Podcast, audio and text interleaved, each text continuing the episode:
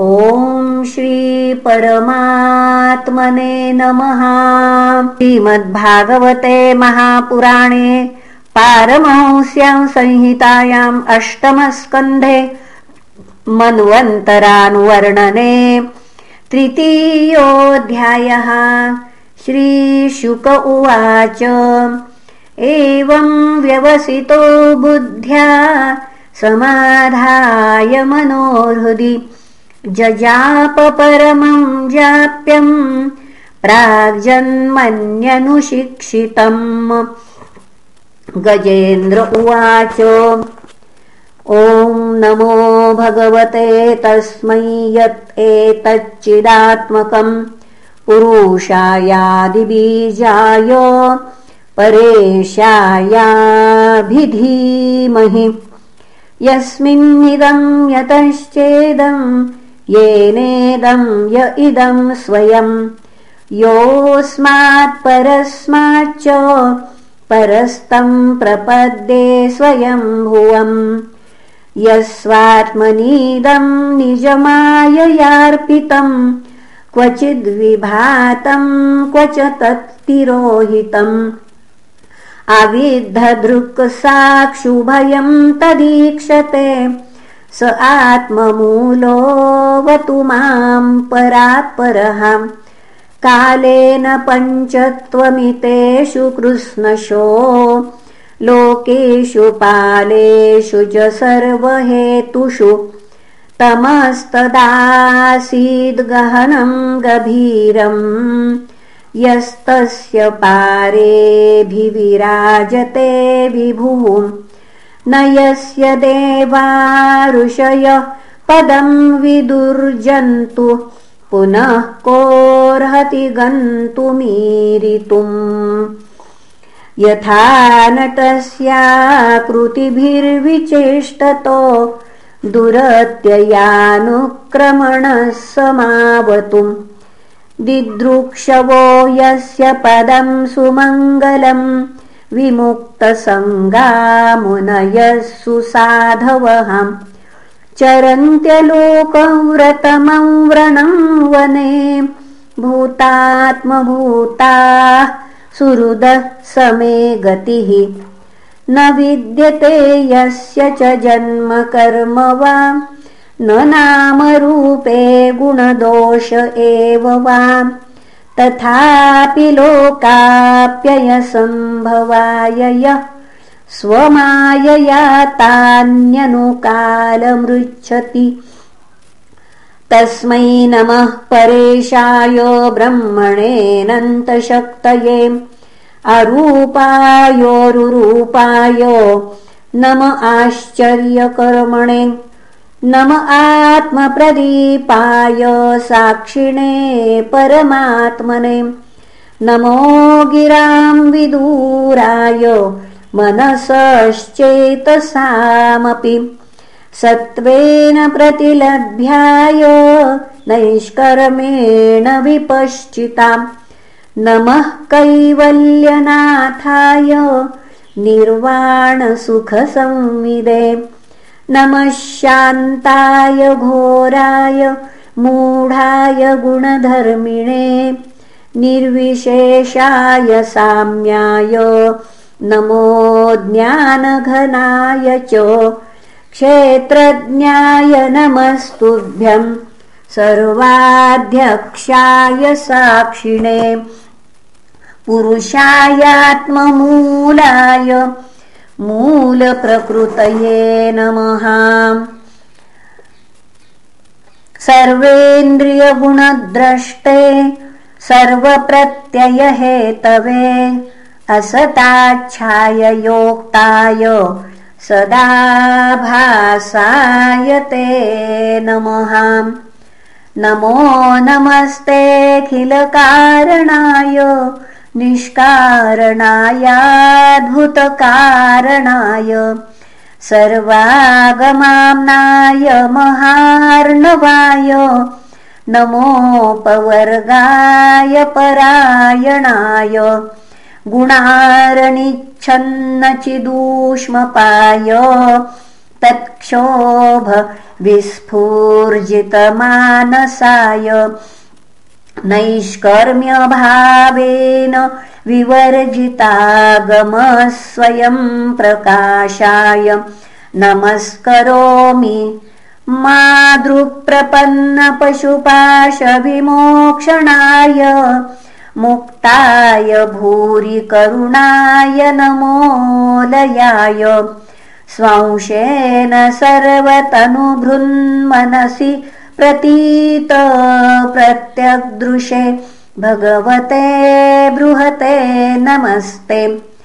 आत्मात्मजाप्तगृहवित्तजनेषु सक्तैर्दुष्प्रापणाय गुणसङ्ग विवर्जिताय। मुक्तात्मभिस्वहृदये परिभाविताय ज्ञानात्मने भगवते नम ईश्वराय। यन्धर्मकामार्थविमुक्तिकामा भजन्त इष्टां गतिमाप्नुवन्ति। किन्तु त्वाशिशोरात्यपि देहमव्ययम् करोतु मे दभ्रदयो विमोक्षणम् एकान्तिनो यस्य न कञ्चनार्थम् वाञ्छन्ति ये वै भगवत्प्रपन्नाः। अत्यद्भुतं तच्चरितं सुमङ्गलम् गायन्त आनन्दसमुद्रमग्नाः। त्वमक्षरं ब्रह्म परं परेशमव्यक्त माध्यात्मिकयोगगम्यम्। अतीन्द्रियं सूक्ष्ममिवातिदूरमनन्तमाद्यं परिपूर्णमीडे। यस्य ब्रह्मादयो देवा वेदालोकाश्चराचराः नामरूपविभेदेन फलव्याचकलया कृताः यथार्चिशोऽग्ने सवितुर्गभस्तयो निर्यान्त्यसंयान्त्यसकृत्स्वरोचिषः। तथा यतोऽयं गुणसम्प्रवाहो बुद्धिर्मनः खानि शरीरसर्गाः स वै न देवासुरमर्त्यतिर्यम् न स्त्री न षण्ढो न पुमान्न जन्तुः। नायं गुणः कर्मनसन्न चासन्निषेधशेषो जयतादशेषः। जिजीविषेनाहमिहामुया किम् अन्तर्बहिश्चावृतये भयोन्या इच्छामि कालेन न यस्य विप्लवस्तस्यात्मलोकावर्णस्य मोक्षम्। सोऽहं विश्वसृजं विश्वमविश्वं विश्ववेदसम्। विश्वात्मानमजम् ब्रह्म प्रणतोऽस्मि परम् पदम् योगरन्धितकर्माणो हृदि योगविभाविते योगिनोऽयम् प्रपश्यन्ति योगेशम् तम् नतोऽस्म्यहम्। नमो नमस्तुभ्यमसह्यवेगशक्तित्रयायाखिल धीगुणाय प्रपन्नपालाय दुरन्तशक्तये कदिन्द्रियाणामनवाप्यवर्त्मने नायं वेद स्वमात्मानं यच्छक्त्याहन्दियाहतम् तं दुरत्ययमाहात्म्यं भगवन्तमितोऽस्म्यहम् श्रीशुक उवाच एवं गजेन्द्रमुपवर्णितनिर्विशेषम् ब्रह्मादयो विविधलिङ्गभिदाभिमानाः। नैते यदोपससृपुर्निखिलात्मकत्वात् तत्राखिलामरमयो हरिराविरासीत्। तम् तद्वदार्तमुपलभ्य जगन्निवासः स्तोत्रम् निशम्य दिविजयी सह संस्तुवद्भिः।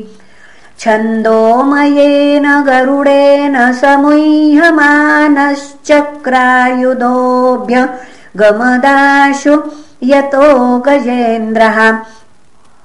सोऽन्तः सरसूरुबलेन गृहीत आर्तो दृष्ट्वा गरुत्मतिहरिङ्ख उपात्तचक्रम्। उत्पिक्ष सामृजकरम् गिरमाह कृच्छ्रान् नारायणा अखिलगुरो भगवन् नमस्ते। तं वीक्ष पीडितमजः सावतीर्य सग्राहमाशु सरस कृपयोज्जहार ग्राहाद्विपातितमुखादरिणा गजेन्द्रम् सम्पश्यताम् हरिरमोमुच दुस्त्रियाणाम् गोपालकृष्णभगवान् की जय। इति श्रीमद्भागवते महापुराणे पारमहंस्यां संहितायाम् अष्टमस्कन्धे गजेन्द्रमोक्षणे तृतीयोऽध्यायः श्रीकृष्णार्पणमस्तु। हरये नमः हरये नमः हरये नमः